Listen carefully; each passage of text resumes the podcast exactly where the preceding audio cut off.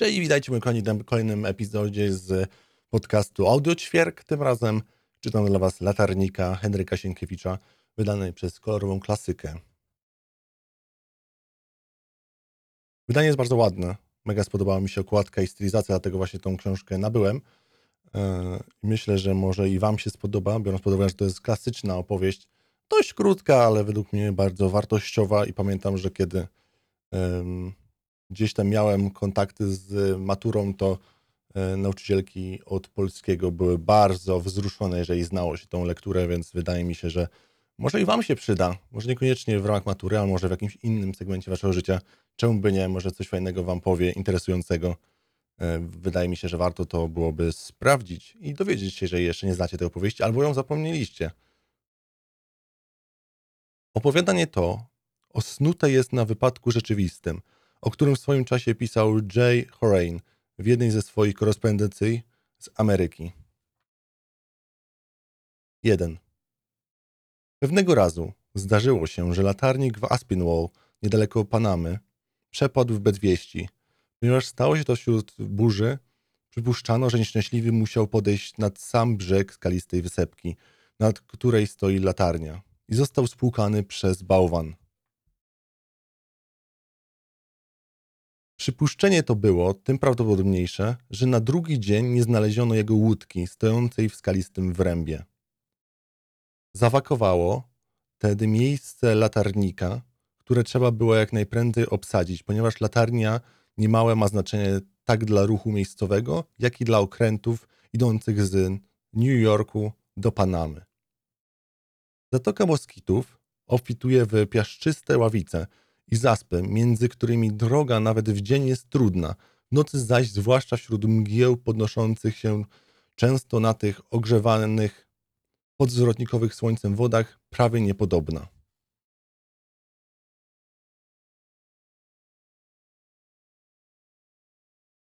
Jedynym wówczas przewodnikiem dla licznych statków bywa światło latarni.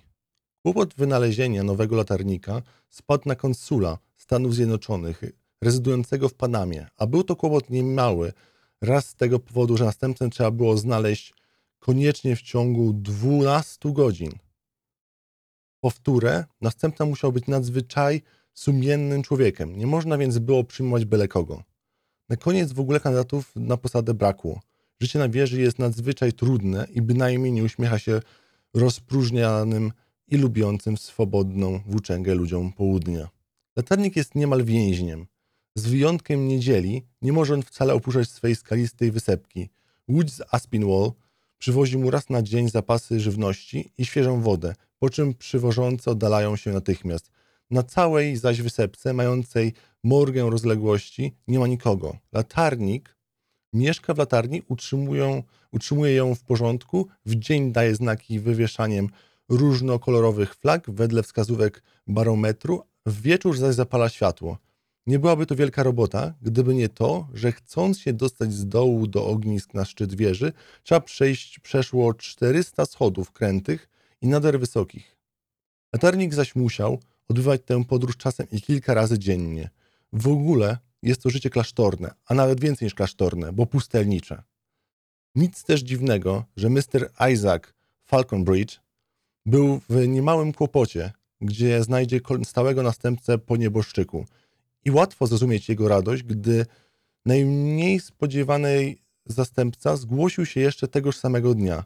Był to człowiek już stary, lat 70 albo i więcej, ale czerstwy, wyprostowany, mający ruch i postawę żołnierza. Włosy miał zupełnie białe, płeć spaloną, jak u kreolów, ale, sądząc z niebieskich oczu, nie należał do ludzi południa. Twarz jego była przygnębiona i smutna, ale uczciwa. Na pierwszy rzut oka podobał się Falconbridge'owi. Pozostało go tylko wyegzaminować, wskutek czego nawiązała się następna rozmowa. Skąd jesteście? Jestem Polak. Coście robili dotąd? Tułałem się. Latarnik powinien lubić siedzieć na miejscu. Potrzebuje odpoczynku. Czy służyliście kiedyś? Czy macie świadectwa z uczciwej służby rządowej? Stary człowiek wyciągnął z zanadrza spowiały jedwabny szmat, podobny do strzępu starej chorągwi. Rozwinął go i rzekł. Oto są świadectwa. Ten krzyż dostałem w roku 30. Ten drugi jest hiszpański z wojny karliskowskiej. Trzeci to Legia Francuska. Czwarty otrzymałem na Węgrzech. Potem biłem się w Stanach przeciw południowcom, ale tam nie dają krzyżów. Oto, oto więc papier. Falcon Bridge wziął papier i zaczął czytać. Hmm, Skawiński. To jest wasze nazwisko? Hmm, dwie chorągwie, zdobyte własnoręcznie w ataku na, na bagnety. Byliście walecznym żołnierzem. Potrafię być i sumiennym latarnikiem. Trzeba tam co dzień wchodzić po kilka razy na wieżę. Czy nogi macie zdrowe? Przyszedłem piechotą pleny. All right. Czy jesteście obeznani ze służbą morską? Trzy lata służyłem na wielorybniku. Próbowaliście różnych zawodów? Nie znałem tylko spokojności. Dlaczego? Stary człowiek ruszył ramionami. Taki los.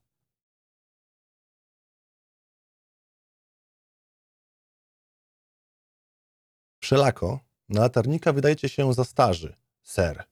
Ozwał się nagle kandydat wzruszony głosem. Jestem bardzo znużony i skołatany. Dużo, widzicie, przeszedłem. Miejsce to jest jedno z takich, jakie najgoręcej pragnąłem otrzymać.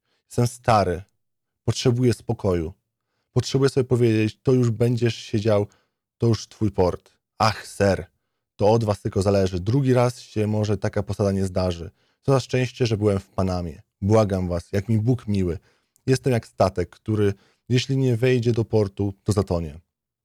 Jeśli chcecie uszczęśliwić człowieka starego, przysięgam, że jestem uczciwy, ale dość tego już, dość mam już tego tułactwa. Niebieskie oczy starca wyrażały tak gorącą prośbę, że Falcon Bridge, który miał dobre, proste serce, czuł się wzruszony. Well, rzekł, przyjmuję was, jesteście altarnikiem. Twarz starego zajaśniała niewypowiedzianą radością. Dziękuję. Czy muszę dziś jechać na wieżę? Tak jest. Zatem goodbye.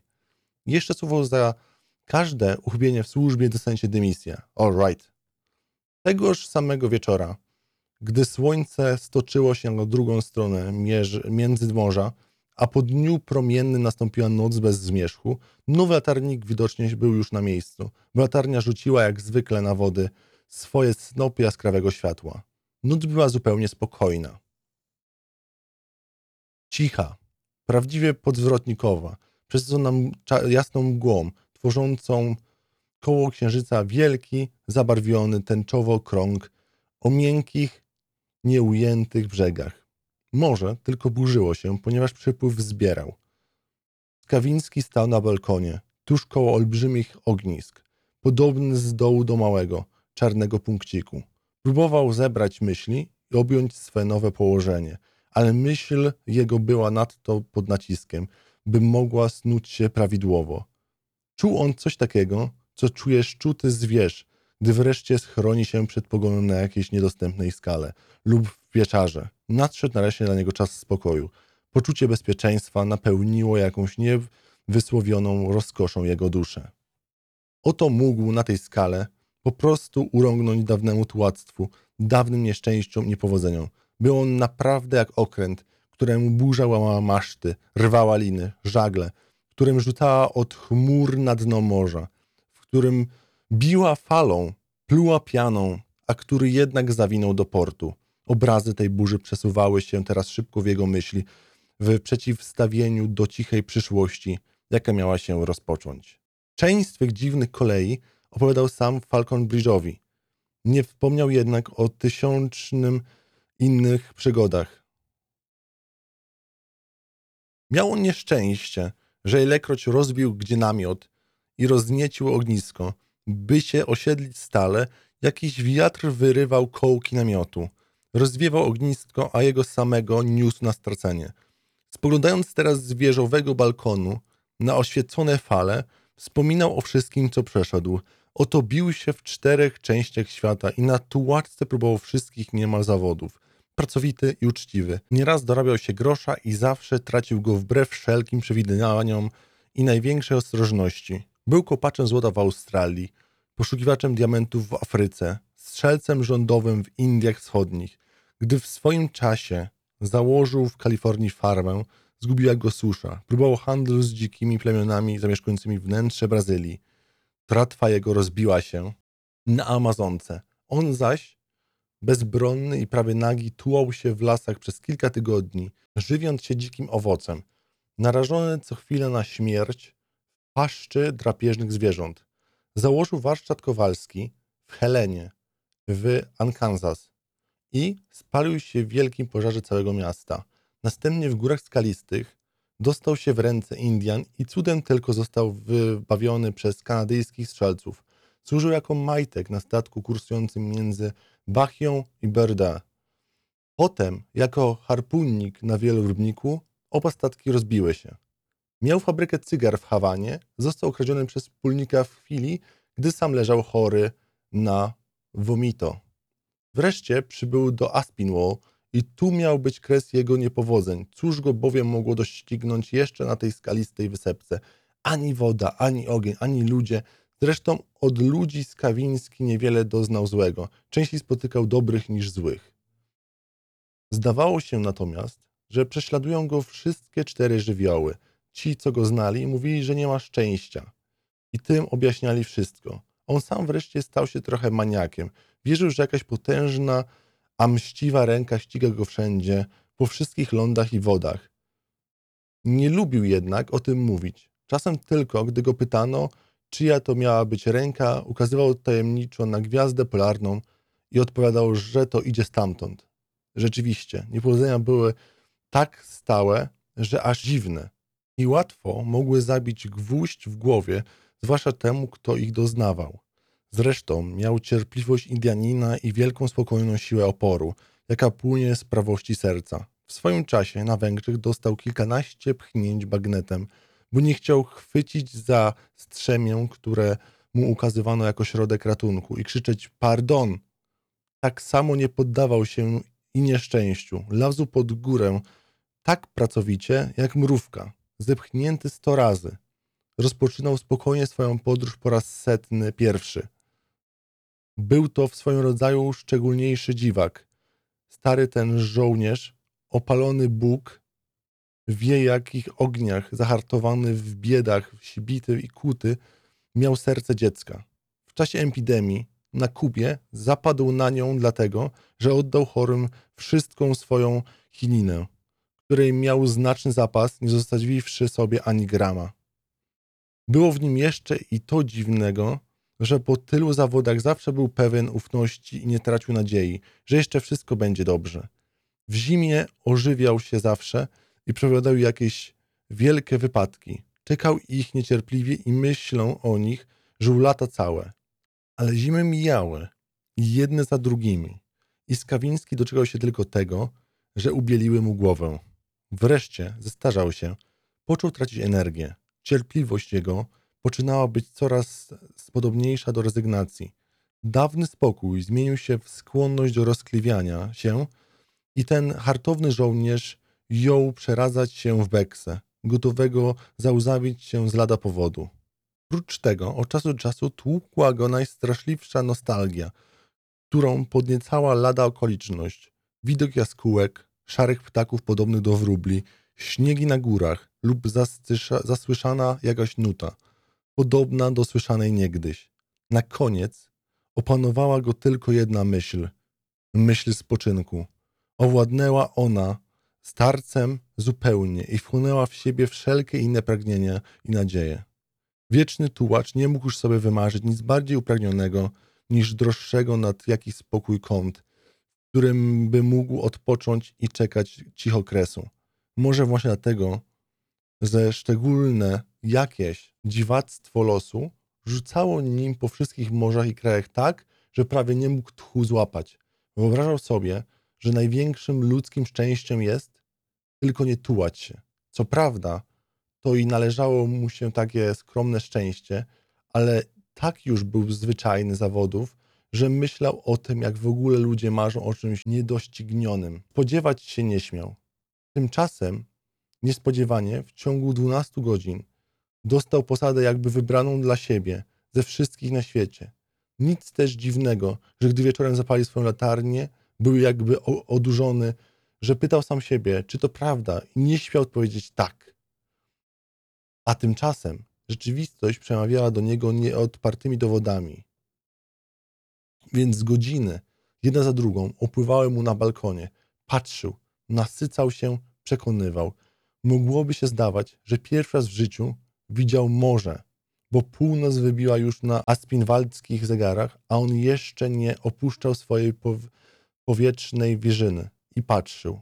W dole, pod jego stopami, grało morze. Soczewka latarni rzucała w ciemność olbrzymi, ostro krąg światła, poza którym oko starca ginęło w dali czarnej, zupełnie tajemniczej i strasznej. Ale dal owa zdawała się biegnąć ku światłu. Długie, wiorstowe fale wytaczały się z ciemności i rycząc szły, szły aż do stóp wysepki. A wówczas widać było spienione ich grzbiety, połyskujące różowo w świetle latarni. Przypływ wzmagał się coraz bardziej i zalewał piaszczyste ławice. Tajemnicza mowa oceanu dochodziła z pełni, coraz potężniej i głośniej, podobna czasem do huku armat, to do szumu olbrzymich lasów, to do dalekiego, zmąconego gwaru głosów ludzkich. Chwilami cichło. Potem o uszy starca odbijało się kilka wielkich westchnień, potem jakieś łukania i znów groźne wybuchy. Wreszcie wiatr wzwiał mgłę, ale napędził czarnych, poszarpanych chmur, które przysłaniały księżyc. Zachadu poczynało dąć coraz mocniej. Bałwany skakały z ciekłością na urwisko latarni, oblizując już pianą i podmurowanie. W dali pomrukiwała burza. Na ciemnej, wzbudzonej przestrzeni zabłysło kilka zielonych latarek, pouwieszonych do masztów okrętów. Zielone owe punkciki to wznosiły się wysoko, to zapadały w dół, to chwiały się na prawo i na lewo. Skawiński zeszedł do swej izby, burza poczęła wyć. Tam, na dworze, ludzie na owych okrętach walczyli z nocą, z ciemnością, z falą. W izbie zaś spokojnie było i cicho. Nawet odgłosy burzy słabo przedzierały się przez grube mury i tylko miarowe tik-tak zegara kołysało utrudzonego starca jakby do snu. Drugi. Zaczęły płynąć godziny, dnie i tygodnie. Majtkowie twierdzą, że czasem, gdy morze bardzo jest rozhukane, woła coś na nich wśród nocy i ciemności po nazwisku. Jeżeli nieskończoność morska może tak wołać, to być może, że gdy się człowiek zestarzeje, woła także na niego i inna nieskończoność, jeszcze ciemniejsza i bardziej tajemnicza. A im jest bardziej zmęczony życiem, tym milsze są mu te nawoływania.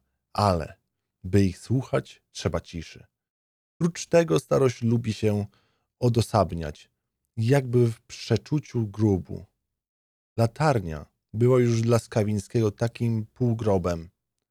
Nic jednostajniejszego, jak podobne życie na wieży.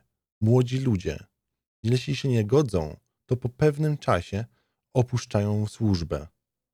Latarnik też bywa zazwyczaj człowiekiem niemłodym, posępnym i zamkniętym w sobie. Gdy wypadkiem porzuci swoją latarnię i dostanie się między ludzi, chodzi wśród nich jak człowiek zbudzony z głębokiego snu. Na wieży brak wszelkich drobnych wrażeń, które w zwykłym życiu uczą stosować wszystko do siebie. Wszystko, z czym styka się latarnik, jest olbrzymie i pozbawione zwartych, określonych kształtów. Niebo to jeden ogół, woda to drugi, a wśród tych nieskończoności samotna dusza ludzka. Jest to życie, którym myśl jest raczej ciągłym zadumaniem się, a z tego zadumania nie budzi latarnika nic, nawet jego zajęcia. Dzień do dnia staje się podobny, jak dwa paciorki w różańcu. I chyba zmiany pogody stanowią jedyną rozmaitość.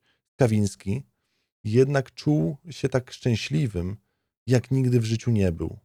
Wstawał świtaniem, brał posiłek, czyścił soczewki latarni, a potem, siadłszy na balkonie, wpatrywał się w dal morską i oczy jego nie mogły się nigdy nasycić obrazami, które przed sobą widział. Zwykle na olbrzymim turkusowym tyle widać było stada wydętych żagli, świecących w promieniach słońca tak bardzo, że aż oczy mrużyły się pod nadmiarem blasku. Czasem statki, korzystając z wiatrów, które pasatami zowią, szły wyciągniętym szeregiem, jedne za drugimi, podobne do łańcucha mew lub albatrosów. Czerwone beczki, wskazujące drogę, kołysały się na fali lekkim, łagodnym ruchem. Między żaglami pojawiał się co dnia w południe olbrzymi, szarawy, pióropusz dymu. To parowiec z New Yorku. Wiózł wi- podróżnych i towary do Aspinwall, ciągnąc za sobą długi, spieniony szlak piany. Z drugiej strony balkonu widział Skawiński na dłoni Aspinwall i jego ruchliwy port, a w nim las masztów, łodzie i łódki. Nieco zaś dalej białe domy i wieżyczki miasta. Z wysokości latarni domki były podobne do gniazd mew, łodzie do żuków, a ludzie poruszali się jak małe punkciki na białym kamiennym bulwarku. Z rana wschodni powiew przynosił zmieszany gwar życia ludzkiego, nad którym górował świst parowców. Południe nadchodziła godzina siesty. Ruch w porcie ustawał, mewy kryły się w szczerby skał, fale słabłe i stawały się jakieś leniwe, a wówczas na lądzie, na morzu i na latarni nastawała chwila niezmąconej niczym ciszy. Żółte piaski, których odpłynęły fale, lśniły na kształt złotych plam na obszarach wodnych. Słup wieżowy odrzynał się twardo w błękicie. Potoki promieni słonecznych lały się z nieba na wodę, na piaski i na urwiska. Wówczas i starca ogarniała jakaś niemoc, pełna słodyczy. Czuł, że ten odpoczynek, którego używa, jest wyborny, a gdy pomyślał, że będzie trwały, to już mu niczego nie brakło. Skawiński rozmarzał się własnym szczęściem, ale że człowiek łatwo oswaja się z lepszym losem, stopniowo nabierał wiary i ufności. Myślał bowiem, że jeśli ludzie budują domy dla inwalidów, to dlaczegożby Bóg nie miał wreszcie przygarnąć swego inwalidy? Czas upływał i utrwalał go w tym przekonaniu. Stary zżył się z wieżą, z latarnią, z urwiskiem, z ławicami piasku i samotnością. Poznał się także i z mewami, które niosły się w załamach skalnych, a wieczorem odprawiały wiece na dachu latarni. Skawiński rzucał im zwykle resztki swego jadła. Tak zaś przyswoiły się wkrótce, że gdy to czynił potem, to otaczały go prawdziwa burza białych skrzydełk. Stary zaś chodził między ptactwem jak pastuch między owcami. W czasie odpływu wyprawiał się na niskie, płaszczyste ławice, na których zbierał smaczne ślimaki, piękne perłowe konchy żeglarków, które odpływająca fala osadzała na piasku. W nocy przy świetle księżyca i latarni chodził na ryby, którymi roiły się załamy skalne. W końcu pokochał swoją skałę i swoją bezdrzewną wysepkę, porośniętą tylko drobnymi, tłustymi roślinkami, sączącymi lepką żywicę. Ubóstwo wysepki wynagradzały mu zresztą dalsze widoki. W południowych godzinach, gdy atmosfera stawała się bardzo przezroczystą, widać było całe międzymorze, aż do Pacyfiku, pokryte najbujniejszą roślinnością. Skawińskiemu wydawało się wówczas, że widzi jeden olbrzymi ogród. Pęki kokosów i olbrzymich muz układały się jakby w przepyszne, czubiaste bukiety, tuż zaraz za domami Aspinwallu. Dalej, między Aspinwall a Panamą, widać było ogromny las, nad którym co rano i pod noc zwieszał się czerwonawy opar wyziewów, las prawdziwie podzwrodnikowy, zalany u spodu stojącą wodą, oplątany lianami, szumiący jedną falą olbrzymich storczyków, palm, drzew mlecznych, żelaznych i gumowych. Przez swą stradniczą lunetę stary mógł dojrzeć nie tylko drzewa, nie tylko rozłożyste liście bananów, ale nawet gromady małp, wielkich marabutów i stada pabłuk wzbijające się czasem jak tęczowa chmura nad lasem. Skawiński znał z bliska podobne lasy, gdyż po rozbiciu się na Amazonce błąkał się całe tygodnie wśród podobnych zielonych sklepień i gąszczów. Wiedział, ile pod cudną, śmiejącą się powierzchnią ukrywa się niebezpieczeństw i śmierci. Wśród nocy, jakie w nich spędził, słyszał z bliska grobowe głosy wyjców i ryki jaguarów. Widział olbrzymie węże kołyszające się na kształt lianów na drzewach. Znał owe senne jeziora leśne, przepełnione drętwymi i rojącymi się od krokodylów. Wiedział, pod jakim jarzmem żyje człowiek w tych niezgłębionych puszczach, w których pojedyncze liście przenoszą dziesięciokrotnie jego wielkość, których mrowią się krwiożercze moskity, pijawki drzewne i olbrzymie jadowite pająki. Wszystkiego sam doznał, sam doświadczył, wszystko sam przecierpiał. To też tym większą mu teraz sprawiało rozkosz patrzeć z wysokości na owe matos. Podziwiać ich piękność, a być zasłoniętym od zdrad. Jego wieża chroniła go przed wszystkim złem. Opuszcza ją też tylko czasami, w niedzielę z rana. Przywdziewał wtedy granatową kapotę strażniczą ze srebrnymi guzami. Na piersiach zawieszał swoje krzyże i jego mleczna głowa podnosiła się z pewną dumą. Gdy słyszał przy wejściu z kościoła, jak kreole mówili między sobą, porządnego mamy latarnika i nie heretyk, chociaż Jankę. Wracał jednak natychmiast po mszy na wyspę i wracał szczęśliwy, bo zawsze jeszcze nie dowierzał stałemu lądowi. W niedzielę także odczytywał sobie hiszpańską gazetę, którą zakupował w mieście lub newyorskiego Heralda, pożyczanego u Falcon Bridge'a i szukał w nich skrawpliwie wiadomości z Europy. Biedne stare serce. Na wieży strażniczej na drugiej półkuli biło jeszcze dla kraju. Czasem także, gdy łódź przywołująca mu na co dzień żywność i wodę przybiła do wysepki, przychodził z wieży na gawędę ze strażnikiem Jonesem. Potem jednak widocznie zdziczał. Przestał bywać w mieście, czytywać gazety i schodzić na polityczne rozprawy Jonesa. Upływały całe tygodnie w ten sposób, że nikt jego nie widział ani nikogo. Jedynym znakiem, że stary żyje, było tylko znikanie żywności pozostawione na brzegu i światło latarni zapalane co wieczór z taką regularnością, z jaką słońce wstaje rankiem z wody w tamtych stronach. Widocznie stary zobojętniał dla świata. Powodem tego nie była nostalgia, ale właśnie to, że przeszła i ona nawet w rezygnację. Cały świat teraz zaczynał się dla starca i kończył się na jego wysepce. Zżył się już z myślą, że nie opuści wieży do śmierci i po prostu zapomniał, że coś jest poza nią. Przy tym stał się mistykiem. Łagodne niebieskie jego oczy poczęły być jak oczy dziecka, zapatrzone wiecznie i jakby utkwione w jakiejś dali. W ciągłym odosobnieniu i wobec otoczenia nadzwyczaj prostego, a wielkiego, począł stary tracić poczucie własnej odrębności. Przestawał istnieć jakoby osoba, a zlewał się coraz więcej z tym, co go otaczało. Nie rozumował nad tym, czuł tylko bezwiednie, ale w końcu zdawało mu się, że niebo, woda, jego skała, wieża i złote ławice piasku i wydęte żagle i mewy i odpływy i przypływy to jakaś wielka jedność i jedna ogromna tajemnicza dusza.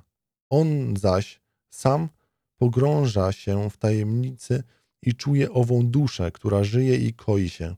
Zatonął, ukosał się, zapa zapamiętał i w tym ograniczeniu własnego odrębnego bytu, w tym półczuwaniu, półśnie znalazł spokój tak wielki, że prawie podobny do półśmierci. Trzeci. Ale nadeszło przebudzenie. Pewnego razu, gdy łódź przywiozła wodę i zapas żywności, Kawiński, zeszedłszy w godzinę później z wieży, spostrzegł, że prócz zwykłego ładunku jest jeszcze jedna paczka więcej. Na wierzchu paczki były marki pocztowe Stanów Zjednoczonych i wyraźny adres Skawiński Esk, wypisany na grubym, żaglowym płótnie. Rozciekawiony starzec przeciął płótno i użył książki. Wziął jedną do ręki, spojrzał i położył na powrót, przy czym ręce poczęły mu drżeć mocno. Przysłonił oczy, jakby im nie wierząc. Zdawało mu się, że śni. Książka była polska. Co to miało znaczyć? Kto mógł przysłać książkę?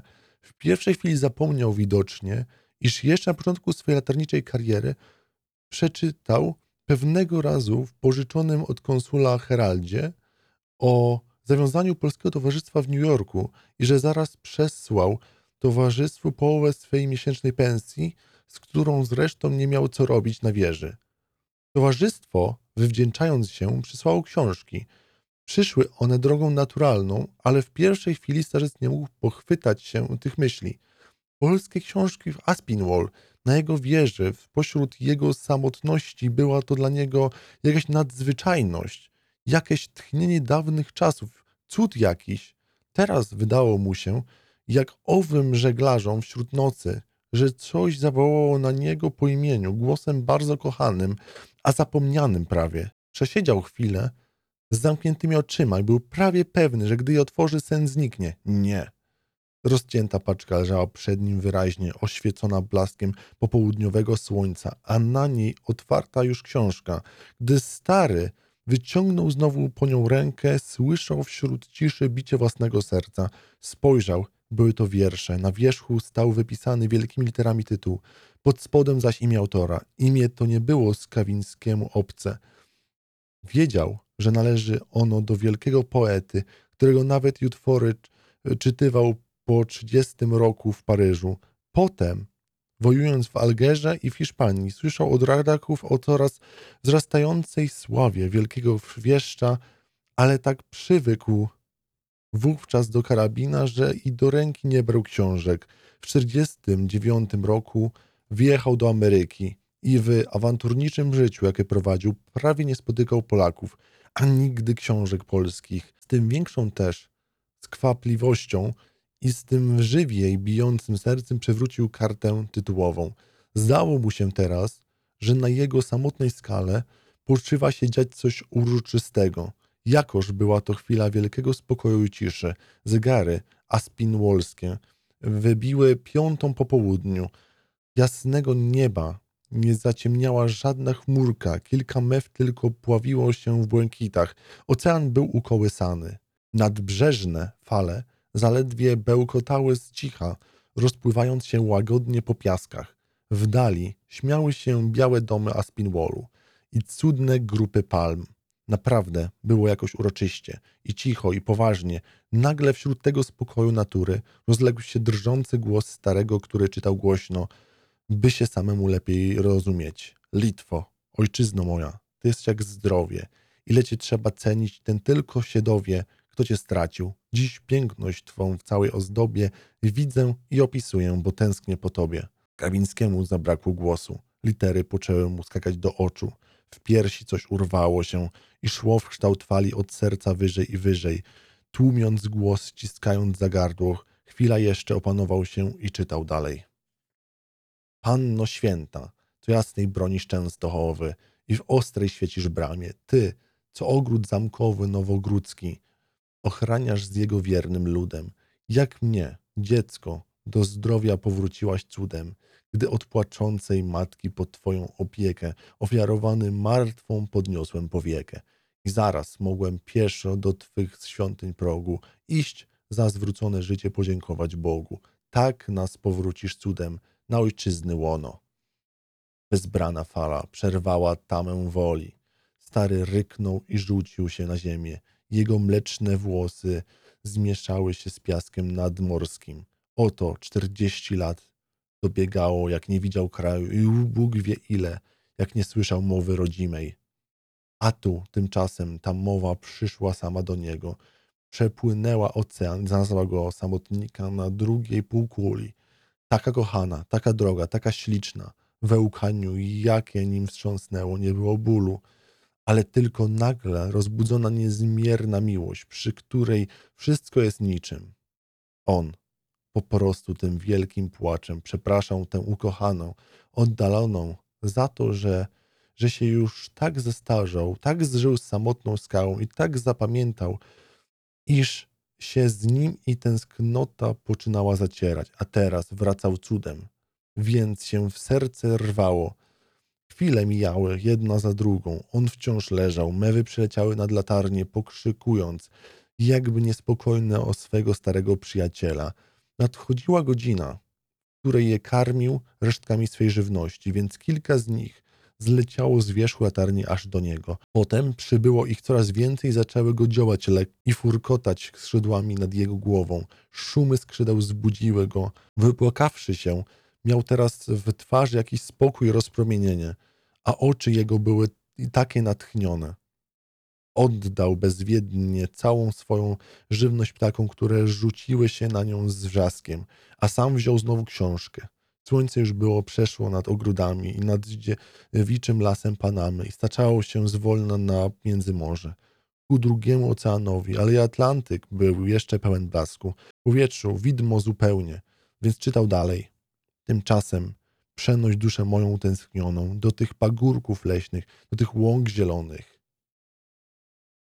Zmierzch dopiero zatarł litery na białej karcie. Zmierzch krótki jak mgnienie oka. Starzec oparł głowę o skałę i przymknął oczy, a wówczas ta, co jasnej broni Częstochowy, zabrała jego duszę i przeniosła do tych pól malowanych zbożem rozmaitym. Na niebie paliły się jeszcze długie szlaki czerwone i złote, a on w tych światłościach leciał ku stronom kochanym. Zaszumiały mu w uszach lasy sosnowe, Zabełkotały rzeki rodzinne. Widzi wszystko, jak było. Wszystko go pyta. Pamiętasz? On pamięta. A zresztą widzi pola przestronne, miedze, łąki, lasy i wioski. Noc już, o tej porze już zwykle jego latarnia rozświecała ciemności morskie, ale teraz on jest we wsi rodzinnej. Stara głowa pochyla się na piersi i śni. Obrazy przesuwają się przed jego oczyma szybko i trochę bezładnie. Nie widzi domu rodzinnego, bo starła go wojna. Nie widzi ojca ani matki, bo go obumarli dzieckiem. Ale zresztą wieś, jakby ją wczoraj opuścił, szereg chałup ze światełkami w oknach, grobla, młyn, dwa stawy podane ku sobie i brzmiące całą noc chórami żab. Niegdyś w tej swojej wiosce stał nocą na widecie. Teraz przeszłość ta podstawia się nagle w szeregu widzeń. Oto znowu jest ułanym i stoi na widecie. Z dala karczma pogląda płonącymi oczami i brzmi i śpiewa i huczy wśród ciszy nocnej tupotaniem, głosami skrzypiec i basetli. Ucha, ucha, to ułany krzeszą ognia podkówkami, a jemu tam nudno samemu na koniu. Godziny wloką się leniwo, wreszcie światła gasną. Teraz jak okiem sięgnąć mgła i mgła nieprzejrzana. Opar widocznie podnosi się z łąk. Nie obejmuje świat cały białawym tumanem. Rzekłbyś zupełnie ocean, ale to łąki, rychło czekać jak derkacz ozwie się w ciemności, bąki zahuczą po trzcinach. Noc jest spokojna i chłodna. Prawdziwie polska noc. W oddali bur sosnowy szumi bez wiatru, jak fala morska. Wkrótce świtanie wschód ubieli, jakoś kury pieją już w zapłociach. Jeden drugiemu podaje głos z chaty do chaty. Wraz i żurawie krzyczą już gdzieś z wysoka. Ułanowi jakoś rzeźko, zdrowo, coś tam gadali o jutrzejszej bitwie. Hej, to i pójdzie, jak pójdą inni z krzykiem i furgotaniem chorągiewek. Młoda krew gra jak trąbka, choć powiew nocny ją chłodzi. Ale już świta, świta, noc blednie, z cienia wychylają się lasy, zarośla szereg chałup, młyn, topole, studnie skrzypią, jakby blaszana chorągiewka na wieży. Jaka ta ziemia kochana, śliczna w różowych blaskach jutrzeni. Oj, jedyna, jedyna. Cicho! czujna wideta słyszy, że ktoś się zbliża. Zapewnie idą zluzować warty. Nagle jakiś głos lega się nad Skawińskim. Hej stary, stawajcie, co to wam? Stary otwiera oczy i patrzy ze zdziwieniem na stojącego przed sobą człowieka. Resztki snu widzeń walczą w jego głowie z rzeczywistością. Wreszcie widzenia bledną i nikną. Przed nim stoi Jones, strażnik e, portowy. Co to? pyta Jones. Korzyście? Nie. Nie zapaliście latarni, pójdziecie precz ze służby. Łódź z San Gremoro rozbiła się na mieliźnie. Szczęściem nikt nie utonął, inaczej poszlibyście pod sąd. Siadajcie ze mną, resztę usłyszycie w konsulacie. Stary pobladł. Istotnie nie zapalił tej nocy latarni. Kilka dni później widziano Skawińskiego na pokładzie statku idącego z Aspinwall do New Yorku. Bielek stracił posadę. Otwierały się przed nim nowe drogi tułactwa. Wiatr porywał znowu ten liść, by nim rzucać po lądach i morzach, by się nad nim znęcać do woli. To też stary przez te kilka dni posunął się bardzo i pochylił. Oczy miał tylko błyszczące. Na nowe zaś drogi życia miał także na piersiach swoją książkę, którą od czasu do czasu przyciskał ręką, jakby w obawie, by mu i ona nie zginęła.